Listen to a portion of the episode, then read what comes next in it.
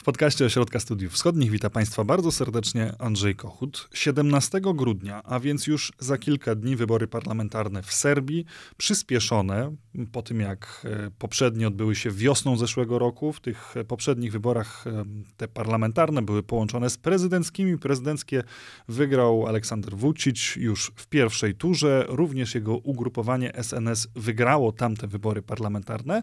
Tymczasem po niespełna dwóch latach mamy kolejne, no i o tym dlaczego dlaczego kolejne wybory parlamentarne są Serbii potrzebne, będę dzisiaj rozmawiał z Martą Szpalą, analityczką Ośrodka Studiów Wschodnich. Witam bardzo serdecznie.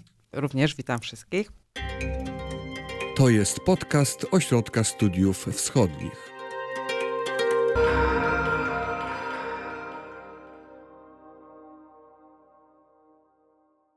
No dobrze, skąd te przyspieszone serbskie wybory? W zeszłym roku jeszcze też były w e, Serbii wybory lokalne, więc to jest Tak, to było potrójne, potrójne, potrójne zwycięstwo Vucicza wówczas nie tylko prezydenckie, ale również parlamentarne i lokalne rzeczywiście. Tak, i było to, można powiedzieć, zwycięstwo totalne, ponieważ partia rządząca, Serbska Partia Postępowa prezydenta Vucicia e, wygrała, on wygrał sam osobiście wybory prezydenckie, wygrała wybory parlamentarne i tak naprawdę wygrała wszystko, co było do wygrania w wyborach lokalnych, czyli rządzi we wszystkich gminach, które są w Serbii. No więc nie ma tutaj opozycji nigdzie na żadnym poziomie władzy. No i wydawałoby się, że po takim sukcesie, po co nam kolejne, e, kolejne wybory?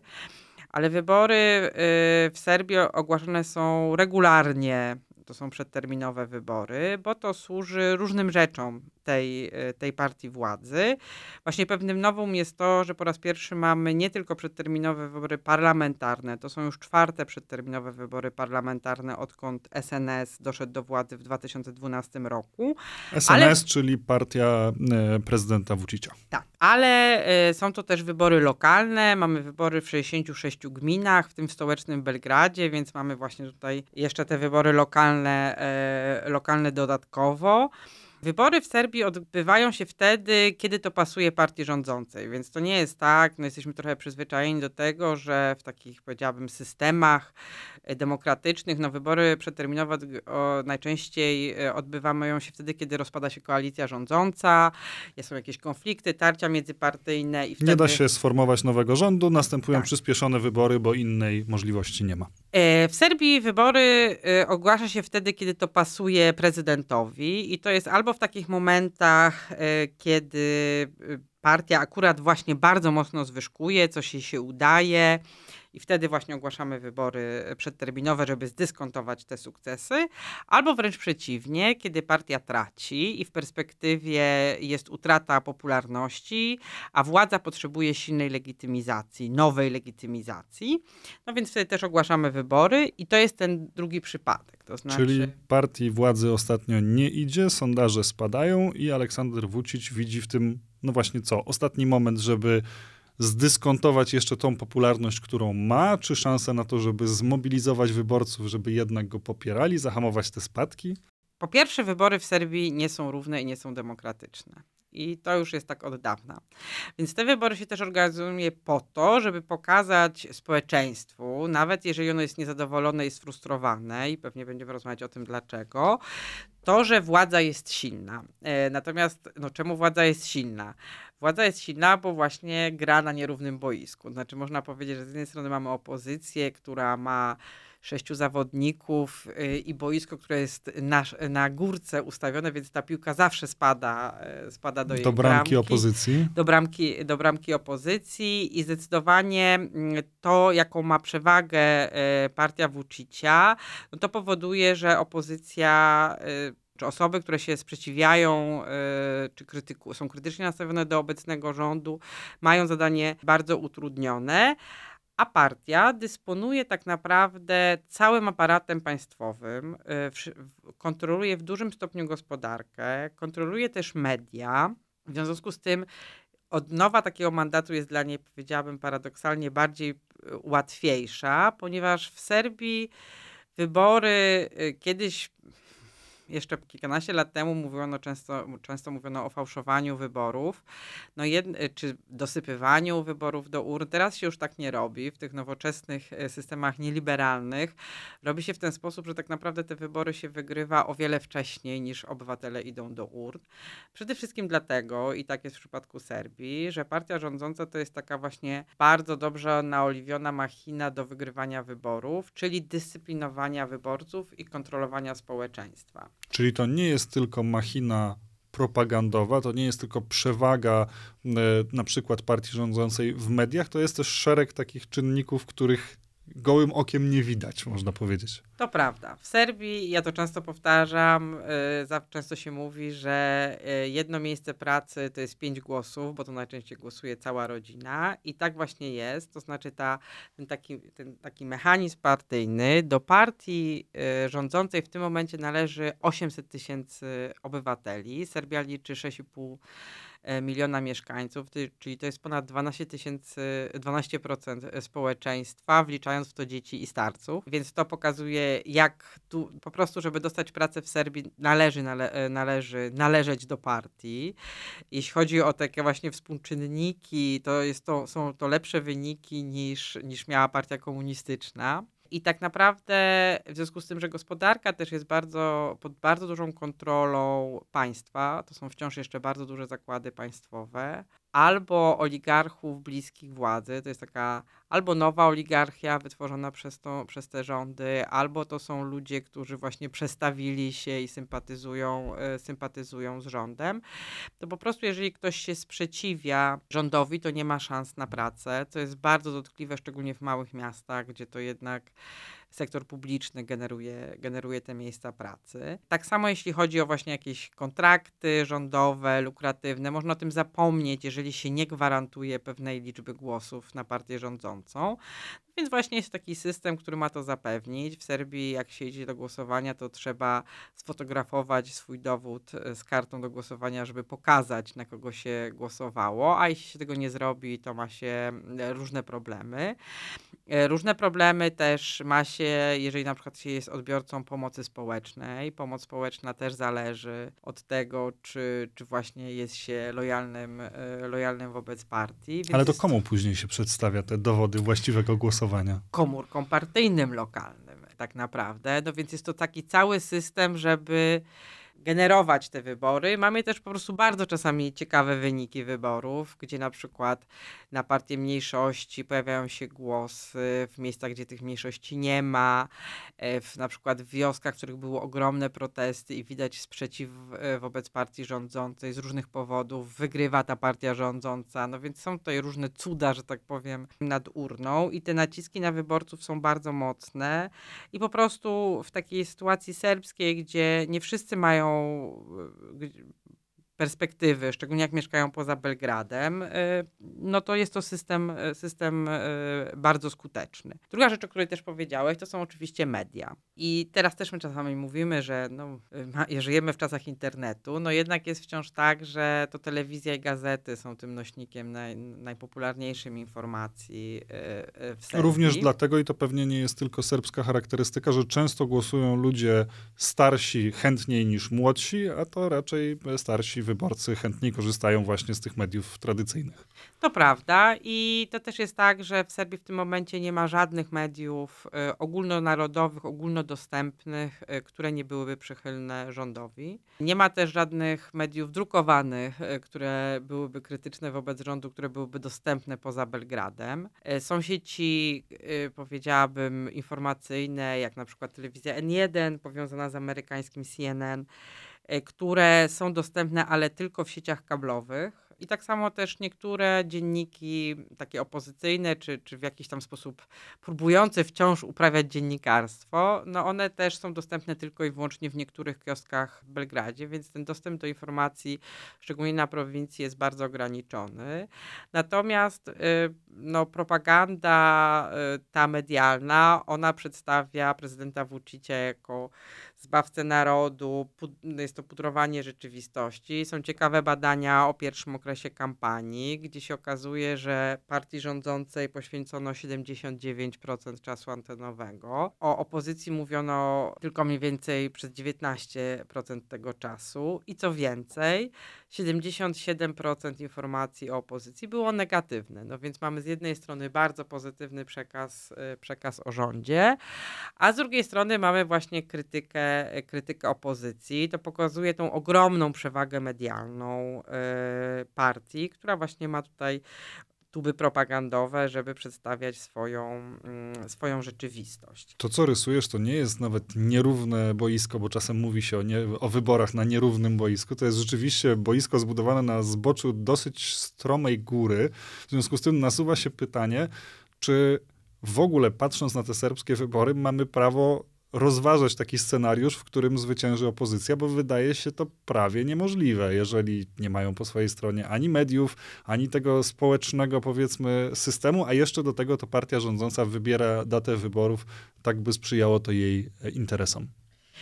Ja bym powiedziała, że jesteśmy naprawdę w takim y, ciekawym momencie, jeśli chodzi o Serbię, bo te wybory zawsze były takie, że właśnie ludzie głosują, a, e, a o kto, tym, kto wygra, decyduje Vucic, czyli prezydent. E, trochę jest teraz tak, że w Serbii bardzo narasta niezadowolenie społeczne. I ono narasta z kilku powodów. Przede wszystkim, i to jest taki prozaiczny powód, który widzimy wszędzie dookoła, to jest sytuacja gospodarcza. W Serbii mamy do czynienia z bardzo wysoką inflacją, szczególnie jeśli chodzi o ceny prądu, tych takich, powiedziałabym, kosztów życia związanych z zapewnieniem sobie miejsca do mieszkania.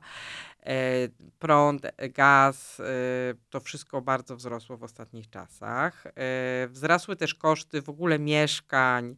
Ten kryzys mieszkaniowy też w Serbii jest obecny. W Serbii przede wszystkim dlatego, że tam napłynęło bardzo dużo migrantów z Rosji i to też podbiło bardzo ceny w stołecznym, w stołecznym Belgradzie. To też jest kwestia tego, że nieruchomości są takim dobrem spekulacyjnym, no więc te ceny mieszkań poszły bardzo w górę i właściwie trudno jest teraz bardzo coś wynająć w Belgradzie za jakąś taką cenę odpowiadającą y, średniej pensji. Bardzo drożeje też żywność i to też jakby uderza w to społeczeństwo, które jest wciąż bardzo biedne, no bo to jednak właśnie żywność i, i, i właśnie mieszkalnictwo to są te, te najważniejsze pozycje w budżecie. Jednocześnie uderza w wizerunek prezydenta Vucicia i jego partii, czyli tych, którzy dostarczali Serbii tego sukcesu gospodarczego, czy przynajmniej takim sukcesem gospodarczym się chwalili. Tak, i to jest właśnie ten problem, że Vucic zawsze budował swoje, y, powiedziałabym, swoje poparcie, czy mobilizował swoich wyborców y, bazując na takich, powiedziałabym, trzech elementach. Pierwszy element to jest właśnie dobrobyt, drugi to jest bezpieczeństwo, a trzeci to jest silna pozycja Serbii na arenie międzynarodowej. I teraz, jeśli chodzi o ten dobrobyt, to właśnie jest tak, że te faktycznie lata jego rządów to jest stały wzrost gospodarczy Serbii. Sytuacja się gospodarcza w Serbii poprawiła, bezrobocie spadło o połowę, pensje rosły, no poprawiało się, szczególnie to było widać na tle takich chudych lat 90., które były tragiczne w przypadku Serbii, ale też 2000, gdzie Serbia przechodziła przez taką bardzo gwałtowną transformację, którą my pamiętamy z naszych lat 90. W przypadku Serbii to, były, to było trochę opóźnione e, w związku z autokratycznymi rządami Miloszewicza w latach 90., więc właśnie duże prywatyzacje, upadek zakładów państwowych, e, bardzo wysokie bezrobocie, no więc te lata faktycznie się mieniły jako taka złota era rozwoju y, gospodarczego. Sprzyjało też te, sprzyjała też temu duża migracja, no to też powodowało, że z jednej strony te, że tak powiem, czeki do domu, które też jakby są elementem y, budowania znaczy dochodów, y, w samej Serbii rosły. No i właśnie y, poprawiało się. Teraz od, COVID, od właściwie epidemii COVID ta sytuacja jest taka, powiedziałabym, bardzo niestabilna y, gospodarcza. No a wojna na Ukrainie, która właśnie przyczyniła się do tych wzrostów cen dodatkowo, no to, to już jakby to spowodowała do, jakby do gwałtownego wzrostu cen. Jednego wciąż jest tak, że właściwie inflacja w całej Europie spada, w Serbii jest najwyższa e, w Europie, spada zdecydowanie wolniej.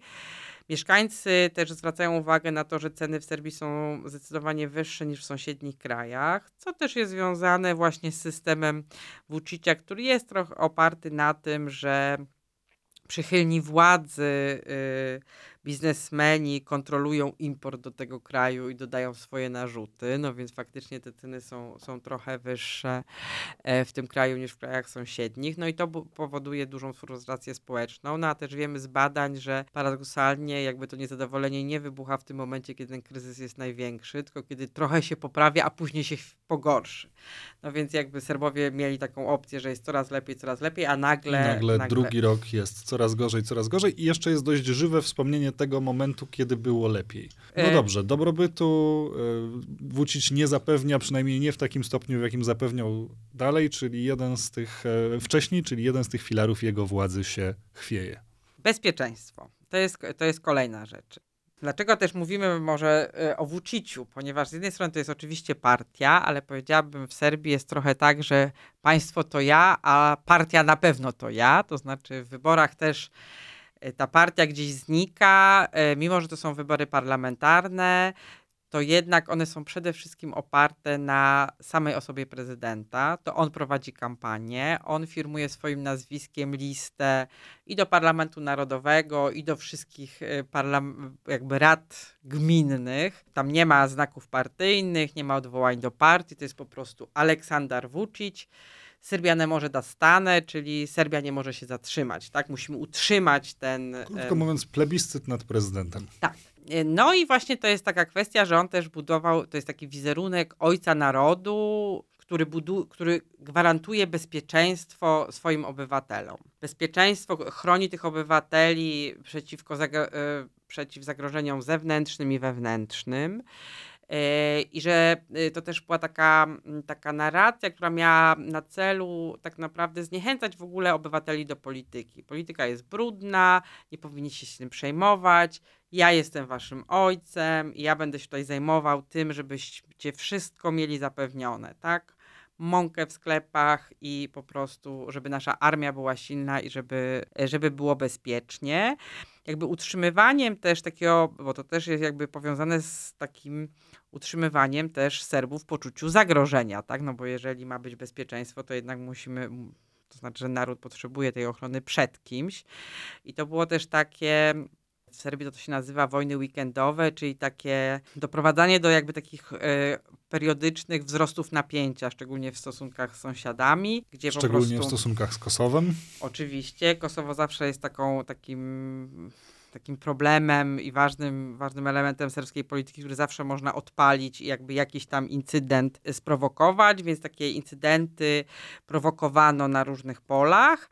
No i y, jakby wtedy serbskie media były takie najpierw y, pełne takich informacji o budowaniu napięcia, zagrożenia, tak, że Serbom grozi y, ludobójstwo, że tutaj są lincze, natomiast jakby no prezydent Vucic będzie ich bronił bronił przed tym. I ta narracja się zaczęła trochę sypać e, w maju w tego roku, kiedy w Serbii doszło do dwóch strzelanin. Ta Jed... narracja rozumiana szerzej, nie tylko jeżeli chodzi o te incydenty graniczne, ale też takie bezpieczeństwo, które prezydent zapewnia swoim obywatelom, czy to pochodzące z zewnątrz, czy to pochodzące z wewnątrz. Tak. E, ponieważ w dwóch strzelaninach zginęło 19 osób a właściwie powinna powiedzieć dzieci i takich nastolatków albo młodych dorosłych, więc to jest jakby coś. Serbowie są narodem rodzinnym, ale zresztą takie tragedie zawsze wstrząsają każdym krajem.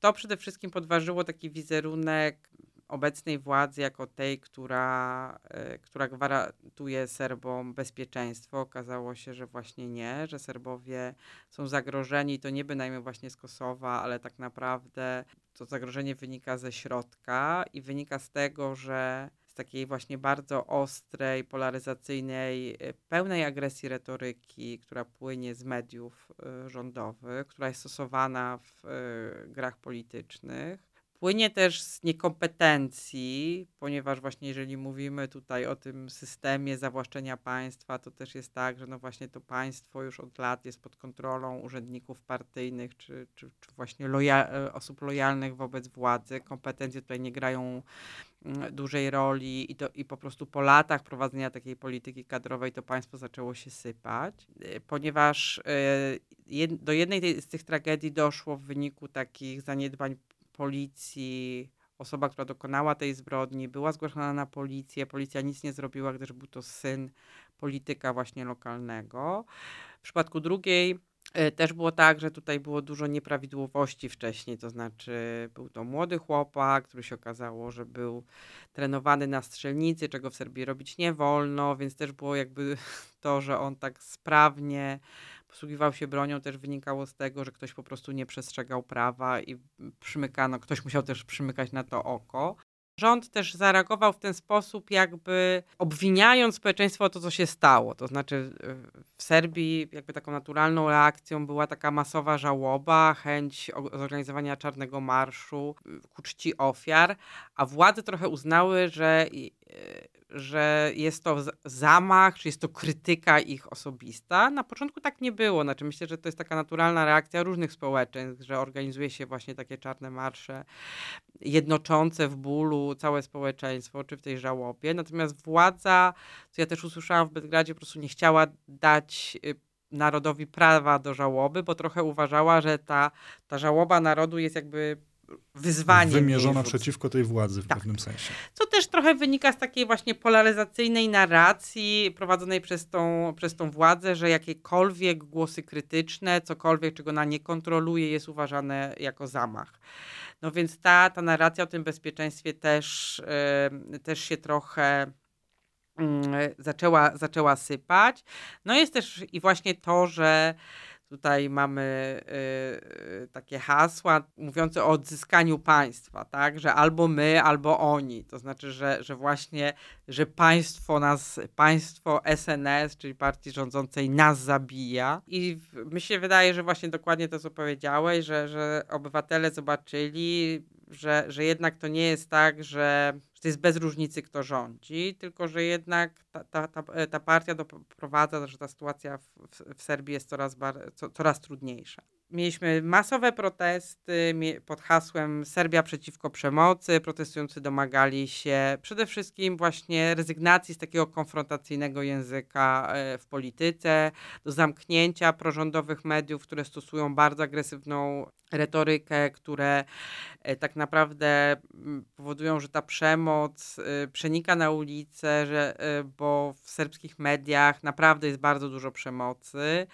Wciąż jest tam popularny taki, y, to się nazywa reality show, y, który kiedy my znamy, znamy mieliśmy Big, Big Brothera, oni mają za druga, ale tam na przykład dochodzi do przemocy fizycznej, przemocy na tle seksualnych, regularnych bujek i to jest po prostu pokazywane i, i, i to jest coś, co, co jakby co oferuje się, że tak powiem, młodym. E, jako młodym rozrywkę. Osobom. Czy te protesty masowe, o których mówisz, one dotyczyły Belgradu, czy one rozlały się w jakimś sensie po całym kraju? E, no i to właśnie było ciekawe, że, e, że protesty były w całym kraju i w ogóle to nie jest tak teraz, że oczywiście Belgrad jest taki najbardziej takim miastem, gdzie się protestuje najwięcej, bo też jest to bezpieczne. Zawsze jest tak, że ludzie często mają wolne zawody, często pracują tak, że nie są zależni od państwa. Natomiast to, co było pewnego rodzaju fenomenem, że te protesty przeniosły się także mm, na mniejsze miasta. Powiedziałabym też, że to jest tak, że właśnie powiedziałabym, że to była też taka kulminacja pokazania tego właśnie, że to państwo jest takim państwem totalnym, y, który nie szanuje obywatela i nie szanuje jakby ich, pra y, ich praw. Bo nie mamy teraz jakby niezależnego wymiaru sprawiedliwości i to też zaczęło dotykać ludzi coraz bardziej. I to nie chodzi właśnie, z jednej strony chodzi też o tą przemoc, ale z drugiej strony właśnie też chodzi o taki element narracji Vucicia o tej złotej erze rozwoju gospodarczego. No ta, ten rozwój gospodarczy był najczęściej oparty, czy jest oparty o ściąganie inwestycji zagranicznych, a tych inwestorów przyciąga się dużymi subsydiami i też powiedziałabym dość takim elastycznym yy, podejściem do kodeksu pracy, ale też różnych regulacji dotyczących środowiska, właśnie norm emisji, to znaczy, że w Serbii się dobrze inwestuje, bo wszystko załatwia się na najwyższym poziomie, jakby na poziomie prezydenta, a jak już się jakby chce inwestować w Serbii, no to właśnie można truć rzeki, yy, truć powietrze, truć glebę. I do takich mieliśmy też w, ostatnich, yy, w ostatnim roku właściwie bardzo dużo takich różnych drobnych incydentów, ale też w różnych miejscach lokalne społeczności protestują przeciwko temu, jak się realizuje te inwestycje. W Serbii też mam do czynienia z boomem budowlanym. E, Z jednej strony to się buduje infrastrukturę, a z drugiej strony mamy boom budowlany w Belgradzie i na przykład wtedy często jest tak, że zabudowuje się parki, zabiera się, e, zabiera się lokalnym społecznościom miejsca, do, do których e, oni są mocno przywiązani. Też nie myśli się czasem o tym, m, na jakich, że się buduje na terenach zalewowych, albo na przykład na terenach, które, w którego na przykład miasto Belgrad czerpie, czerpie wodę. E, Prywatyzuje się w ogóle przestrzeń e, publiczną w Serbii, ale też jest tak, że na przykład prawo o wywłaszczeniach jest bardzo przyjazne inwestorom, to znaczy, że właściwie jak, chce się, jak się, jest się inwestorem w Serbii, można wy, wy, wywłaszczyć każdego bardzo szybko i dać mu odszkodowanie, jakie się uważa za stosowne. E, więc to nie jest tak jak u nas, na przykład w Polsce, że to jednak rząd jest tutaj pośredni, jakby to on wycenia grunty, tylko to jest tak, że tu właśnie inwestor przychodzi i mówi, ile zapłaci nam za nasze, za nasze mienie. Inwestycje prowadzone są też często tak, właśnie szczególnie te budowlane, że sąsiednie domy pękają, zawalają się czasami, no więc dużo ludzi jest po prostu niezadowolonych z tego, co się robi. I w Serbii jest też taka jedna duża inwestycja, która, czy nawet może kilka, ale jedna taka, która też y, bardzo mocno mobilizuje społeczeństwo, mianowicie plan eksploatacji litu. Mm, Eksploatacja litu jest bardzo problematyczna, natomiast w Serbii, gdzie te w ogóle normy są bardzo elastyczne, Elastyczne. tak by, jakbym powiedziała, no to jakby założenie jest takie, że to może doprowadzić naprawdę do degradacji środowiska na dużą skalę i ludzi to mobilizuje, to znaczy, że ta władza miała chronić, a tak naprawdę, jak to się teraz y, słyszy w Belgradzie, wyprzedaje nasz majątek y, i bogaci się sama, a, a my z tego nic nie mamy, my tylko płacimy rachunki w postaci właśnie zdegradowanego środowiska. I to też bardzo mobilizuje y, ludzi do wyborów. I jest ten trzeci jednak element właśnie Trzeci filar, tak? Trzeci Bo mówiliśmy filar. o tym, że Vucic i jego partia mieli zapewniać wzrost gospodarczy i dobrobyt Serbom. Mówiliśmy o bezpieczeństwie. Trzeci filar to miała być pozycja Serbii na arenie międzynarodowej. międzynarodowej. Ona się też wiąże, wiąże właśnie też z kwestią Kosowa. To znaczy faktycznie trzeba przyznać, że prezydent Vucic prowadzi bardzo, powiedziałabym, do tej pory to była efektywna polityka. To znaczy to jest taka polityka, to się nazywa polityka wielowektorowości. Z jednej strony deklarujemy, że chcemy do Unii, ale z drugiej strony rozwijamy bardzo dobre relacje z Chinami, Rosją, Azerbejdżanem czy innymi nieliberalnymi, nieliberalnymi krajami. I tak naprawdę to trochę służy jako taki rodzaj, powiedziałabym, dźwigni czy elementów nacisku, szantażu. To znaczy, że z, jednej strony Unia, y, Unia Europejska, pokazujemy Unii Europejskiej, że mamy alternatywę, tak? Straszymy partnerów zachodnich, że jak będą nas za bardzo naciskać, jeśli chodzi o demokrację, rządy prawa, no to my się tu zwrócimy w kierunku Rosji, y, Rosji czy Chin. No i tak faktycznie przez długi czas, e, długi czas to była taka polityka dość spójna. e, Tak, e, prezydent Vucic dostawał gaz z Rosji, tanie kredyty z Chin, środki unijne właściwie bez spełniania różnych warunków z Brukseli i jakby to też generowało ten wzrost gospodarczy. Przede wszystkim skomplikowała to mm, wojna na Ukrainie, bo tą politykę prowadzić coraz trudniej. E, Serbia nie wprowadziła sankcji wobec Rosji, e, no i to jakby coraz bardziej przeszkadza bardzo różnym państwom unijnym. A z drugiej strony e, sam prezydent, żeby też społeczeństwo za bardzo nie naciskało na, na tą integrację europejską, która tak by zeszła na dalszy plan, no bo jednak spełnianie unijnych warunków trochę się kłóci z budową państwa autokratycznego, z czym mamy do czynienia w, Ser- w Serbii, no więc ta chęć eurointegracji była tylko deklaratywna. Natomiast y, no, był ten, na pewno był ten parasol, y, parasol ochronny y, w związku z tym właśnie, że mieliśmy tą politykę wielowektorowości, ale prezydent Vucic też, czy, czy media jemu bliskie bardzo mocno utwierdzały, znaczy umacniały taki wizerunek Unii jako takiego właściwie w ostatnich latach to wroga Serbii. Znaczy to, to nie jest nasz sojusznik, była to naprawdę anty, antyunijne kampanie mieliśmy w tym mediach. W mediach Unia była przedstawiona jako y, taki, taka instytucja, która zagraża stabilności, integralności Serbii. To oczywiście chodzi o politykę Kosowa, bo bo Unia naciska na to, żeby tą kwestię Kosowa y, rozwiązać. E, bardzo było dużo przyjaznych informacji o Rosji i Chinach, no więc serbskie społeczeństwo faktycznie jakby skręciło trochę bardziej w prawo, albo jest te, te, jakby hasła prozachodnie są, yy, są coraz mniej popularne w tym społeczeństwie, co raz wynika właśnie z propagandy medialnej, z drugiej strony też wynika właśnie, yy, powiedziałabym, z rozczarowaniem Unii Europejskiej, Serbowie czują się odrzuceni przez Unię, tak, że Unia nie chce, że ten proces integracji trwa już ponad dwie dekady i Serbia wciąż jest jakby na początkowym etapie. A trzecia rzecz, to szczególnie słychać w takich e, środowiskach bardzo e, z kolei prozachodnich, liberalnych, że Unia Europejska nie jest krytyczna wobec rządu Vucicia, że jest, że właściwie go wspiera w imię stabilności, to znaczy, że nie chce przemian demokratycznych, że jest mało krytyczna, bo e, spodziewa się, że mm, zniknięcie Vucicia w tym serbskim systemie oznacza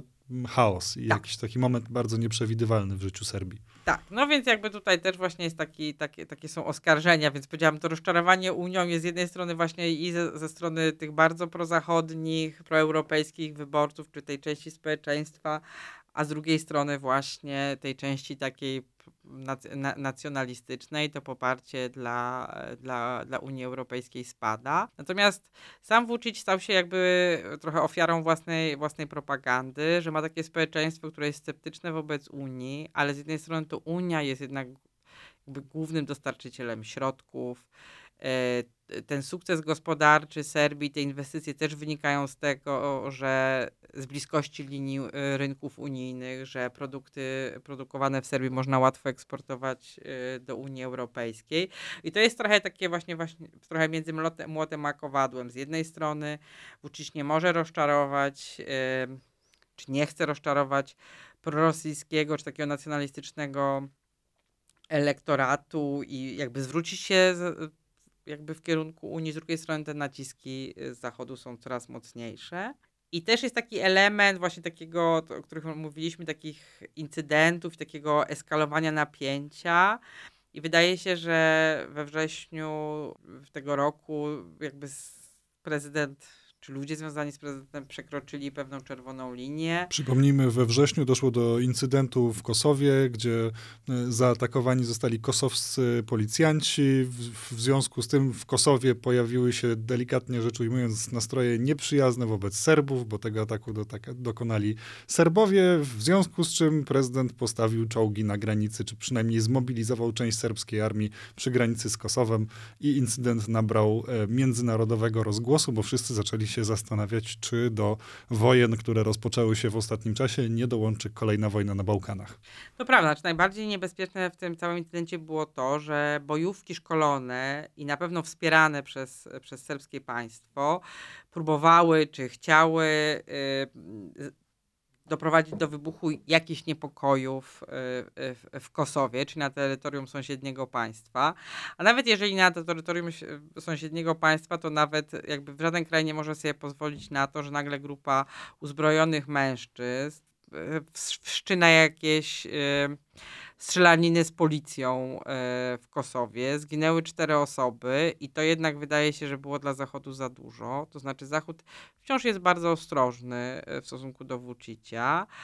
Natomiast e, to chyba jednak było pokazanie, że tak jakby podważenie tej wiary, że Vucic jest jednak wiarygodnym partnerem. Znaczy, I gwarantem tej stabilności, tym razem nie dla tak. obywateli własnego państwa, ale właśnie dla tego Zachodu, który godzi się na niego jako na mniejsze zło.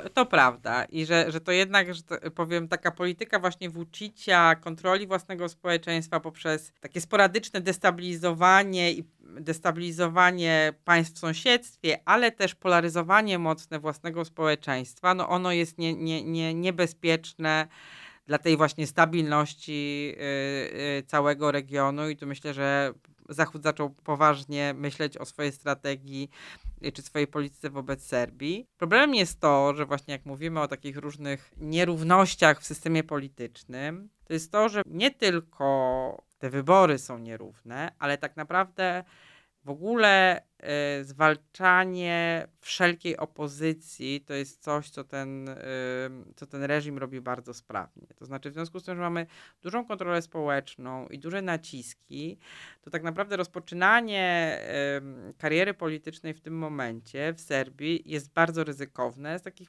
przyczyn po prostu bardzo osobistych, ale też ekonomicznych. To znaczy, jeżeli ktoś tylko wyrasta na jakiegoś lidera, jakiegoś nawet niepolitycznego ruchu, czy jakiegoś, no, cieszy się jakimś szerszym szacunkiem. Staje się takim widocznym przeciwnikiem władzy. To on momentalnie staje się obiektem takiej hejterskiej kampanii w mediach. E, próbuje się takich ludzi pozbawić wiary, wiarygodności. Oczywiście są też naciski ekonomiczne na rodzinę. Jeżeli jakby nie, ktoś nie ma niezależnych źródeł, źródeł utrzymania, to automatycznie jakby ma bardzo dużo, dużo problemów. Więc tworzenie się takich, e, powiedziałbym, nowych partii, utrzymywanie ich, rozbu jakby rozbudowywanie aparatu partyjnego jest po prostu bardzo trudne. Poza tym w Serbii też jest tak, że y, wszyscy się boją jednak finansować opozycję i to bardzo dobrze widać w tej kampanii, że z jednej strony mamy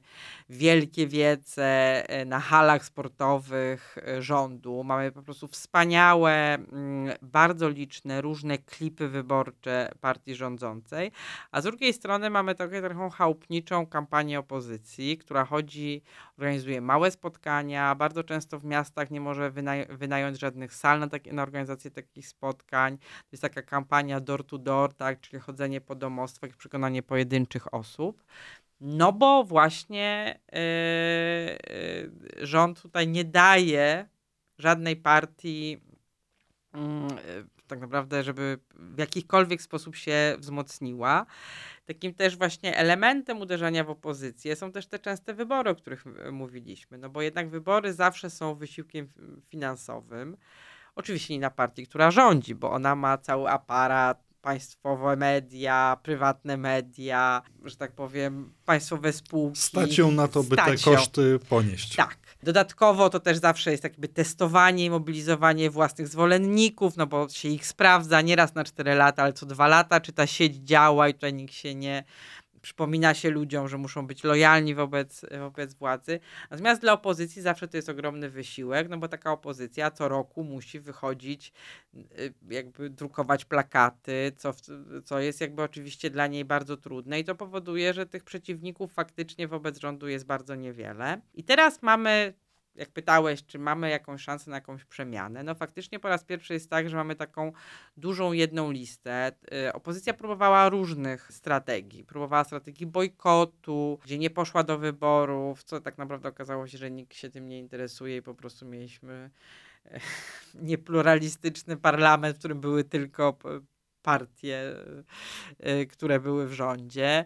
Próbowa była też taka akcja wcześniej głosów protestu, białych kartek, czy oddawania kart niewypełnionych. Było ich dużo, ale to też nie spowodowało y, żadnych żadnych zmian, były różne jakby eksperymenty z różnymi listami. Teraz mamy jedną listę, która próbuje zdyskontować, czy chce zdyskontować to niezadowolenie społeczne, które było. To jest lista pod hasłem Serbia przeciwko przemocy. Nawiązującym do tych masowych protestów, o których mówiliśmy wcześniej po strzelaninach w Serbii w maju tego roku. To jest, można powiedzieć, centrowo-lewicowa y, koalicja. Bardzo różne partie, ponad 15, ruchy społeczne, bardzo dużo osobistości, y, bardzo dużo liderów. No ale ona jest jedna i faktycznie, jeśli wierzyć sondażom, to jest to 26% poparcia wobec partii rządzącej, która się cieszy 35% po- poparcia. Znaczy nie mieliśmy żadnych wyborów po 2012 roku, kiedy opozycja dostawała powyżej 12, 20%. No więc według sondaży tak jest. Zobaczymy, e, jak, te, jak to się przełoży na wyniki, ale na pewno to jest tak, że to jest jakby jedna, e, jedna silna lista. Możemy Która- wierzyć w te sondaże? No właśnie, tutaj jakby z Serbią zawsze jest problem, bo te sondaże z różnych względów y, są, są mało wiarygodne, no bo tak jak powiedziałam, wybory nie są równe, mamy różnego rodzaju triki, które wpływają na te, na te wyniki. E, Bardzo dużo ludzi też nie chce odpowiadać na pytania, na kogo będzie głosować, więc ciężko powiedzieć, jak oni będą głosowali. No więc nie wiemy, e, jak to będzie wyglądało.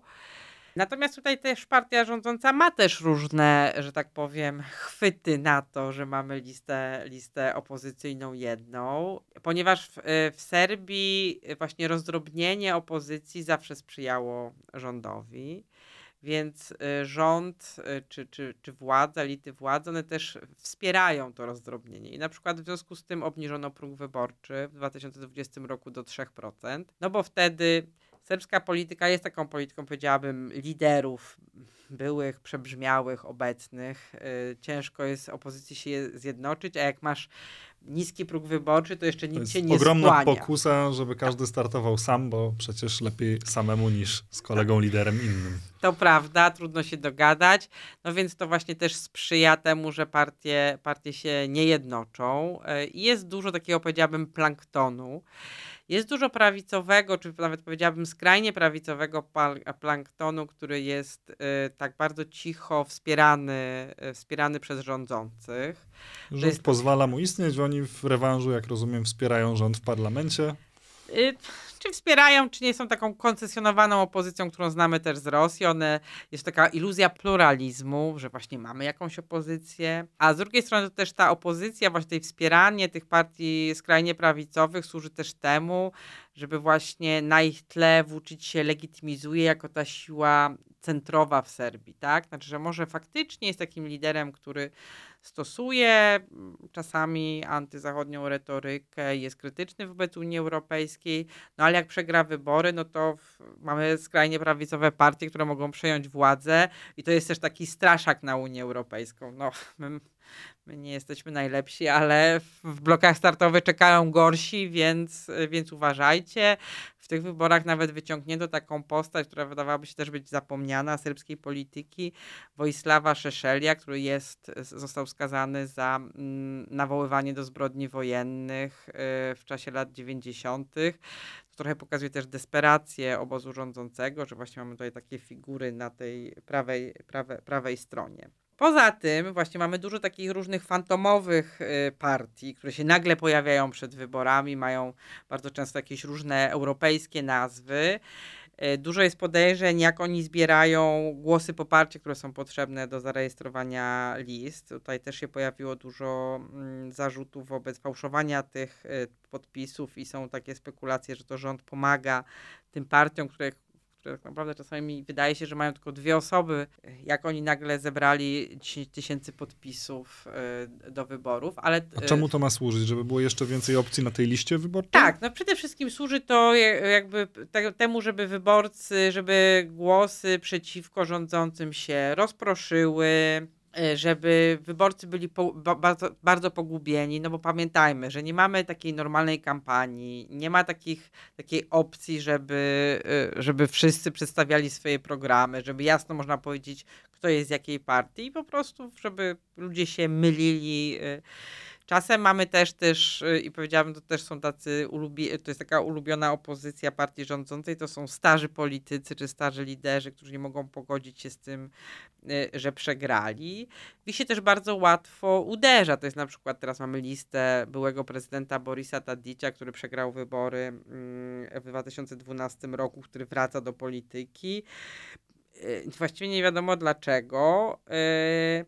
A w ich jest bardzo łatwo uderzać, bo można po- przypominać, że e, ta opozycja, czy jak myśmy nie rządzili, to, była, to, to było źle, była korupcja, były problemy gospodarcze, więc Vučić lubi tych starych skompromitowanych polityków jako swoich przeciwników, no bo zawsze się znajdą na nich jakieś kwity i to też jakby służy, powiedziałabym, kompromitacji opozycji i takiej narracji, którą widzimy w tej kampanii, że może nie jesteśmy najlepsi, ale Ale opozycja... my?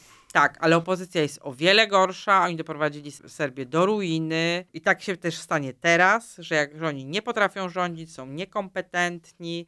Włóczyć nawet posunął się do tego, że teraz powiedział, że to nie jest tak, że jak opozycja wygra, e, to na to będzie patrzył, na ten upadek Serbii. On zrezygnuje ze stanowiska, czyli to jest szantażowanie wyborców, e, że odejdę, jak nie wybierzecie mojej partii, czy jak nie wygram, i już was zostawię, więc powiedziałabym, że to jest taki przekaz. To jest też taki, powiedziałabym, taki jasny sygnał, że, mm, że nie będzie, nie ma szans na kohabitację, co wydawałoby się być normalne, ale też nie ma szans chyba na pokojowe prze, przekazanie władzy. Zwracając do Twojego pytania, czy na, tej, y, na tym boisku, które jest na. Bardzo dużej pochyłości, Bardzo może wręcz na zboczu góry. Ja bym powiedziała, że faktycznie wydaje się, że to będzie, albo inaczej, to będzie takie zderzenie silnej kontro- strachu i silnej kontroli z niezadowoleniem. I pytanie, która emocja, e, emocja wygra. I jak oczywiście patrzymy na wyniki wyborów y, w Turcji, no szczególnie myślę, że w Turcji y, to, to są takie podobne wybory, to jednak okazuje się, że nawet jeżeli rząd popełnia bardzo dużo błędów i społeczeństwo płaci cenę, to jednak ten resurs państwowy powoduje, że te wybory są wygrywane i to jest na pewno po stronie, e, po stronie Vučića. Z drugiej strony, ja przez te wszystkie lata nie widziałam tak dużej mobilizacji społecznej na różnych poziomach. Mamy kampanię profrekwencyjną, e, którą popiera 160 tysięcy osób, więc faktycznie jest jakieś to poruszenie. Co powiedziałabym trochę nie sprzyja e, wygranej opozycji, to jest to, że wydaje się, że sama opozycja, że obywatele bardziej chcą zmiany niż e, opozycja. Znaczy, że opozycja chyba przyzwyczajona do tych, e, do tych porażek, nie stawia sobie za cel przejęcie władzy. Mówi tutaj, że przejęcie władzy w stołecznym Belgradzie e, e, to byłoby coś. Nie ma takiego poczucia, że odbijemy. Znaczy, słuchać tą emocję społeczną, ale nie słuchać tych, tych e, głosów partyjnych. I myślę, że to też wynika z takiego poczucia, że te wybory, nawet jeżeli się trochę je wygra, to odbudowa państwa prawa w Serbii będzie bardzo trudna, ponieważ to jest naprawdę 12 lat zawłaszczania państwa. Czasami się mówi nawet, że w Serbii nie doszło do zawłaszczenia państwa, do zawłaszczenia społeczeństwa, bardzo silnej grupy e, osób lojalnych, e, lojalnych wobec władzy. Więc pytanie jest, y, czy jest możliwe to, żeby ta demokracja powróciła. I trochę tak jak powiedziałeś, problemem jest to, że demokracji nie wydaje się w Serbii nie wydaje się wspierać Zachód. To znaczy Zachód się woli stare zło, czyli Vučića, Niż niepewną alternatywę. niż niepewną alternatywę, tym bardziej, że na przykład odsunięcie od władzy Milo Djukanowicza w Czarnogórze też spowodowało 3 lata chaosu. Czarnogóra jest mała i jakby nie wpływa na sytuację w regionie. Serbia, która jest największym państwem w regionie, z najsilniejszą armią, z dużymi napięciami wewnętrznymi, no tam destabilizacja byłaby, byłaby faktycznie niebezpieczna i to jest coś, co powoduje, że powiedziałabym, że z taką dużą ostrożnością się przy, przygląda Zachód temu, co się dzieje i jakby nie wydaje się, żeby on sprzyjał przemianom. A przede wszystkim jakby dość mocno nie krytykuje Vučića za to, co on robi, że to też powiedziałbym, że jest taki, taki e, resurs Vučića, że, że Zachód jest coraz bardziej niezadowolony z tego, że ta polityka, którą on prowadzi, to w jakiś sposób się legitymizuje przez właśnie napięcia wewnętrzne, napięcia zewnętrzne jest coraz bardziej niebezpieczne, ale z drugiej strony pytanie, czy, czy, czy demokracja, e, nie, czy demokratyzacja, czy jakaś próba zmiany e, reżimu w, w Serbii nie, nie przyniosłaby jeszcze bardziej negatywnych skutków. A te wybory, o których dzisiaj rozmawialiśmy, już 17 grudnia, więc za kilka dni. Marta Szpala, analityczka Ośrodka Studiów Wschodnich, gościła dzisiaj w podcaście OSW. Bardzo dziękuję za tą rozmowę. Dziękuję bardzo. Państwu jak zwykle serdecznie polecam również inne nasze media społecznościowe, Twittera, Instagrama, e, YouTube'owy profil e, OSW, gdzie e, regularnie publikowane są nowe filmy, a także stronę internetową ośrodka. Andrzej Kochut, do usłyszenia.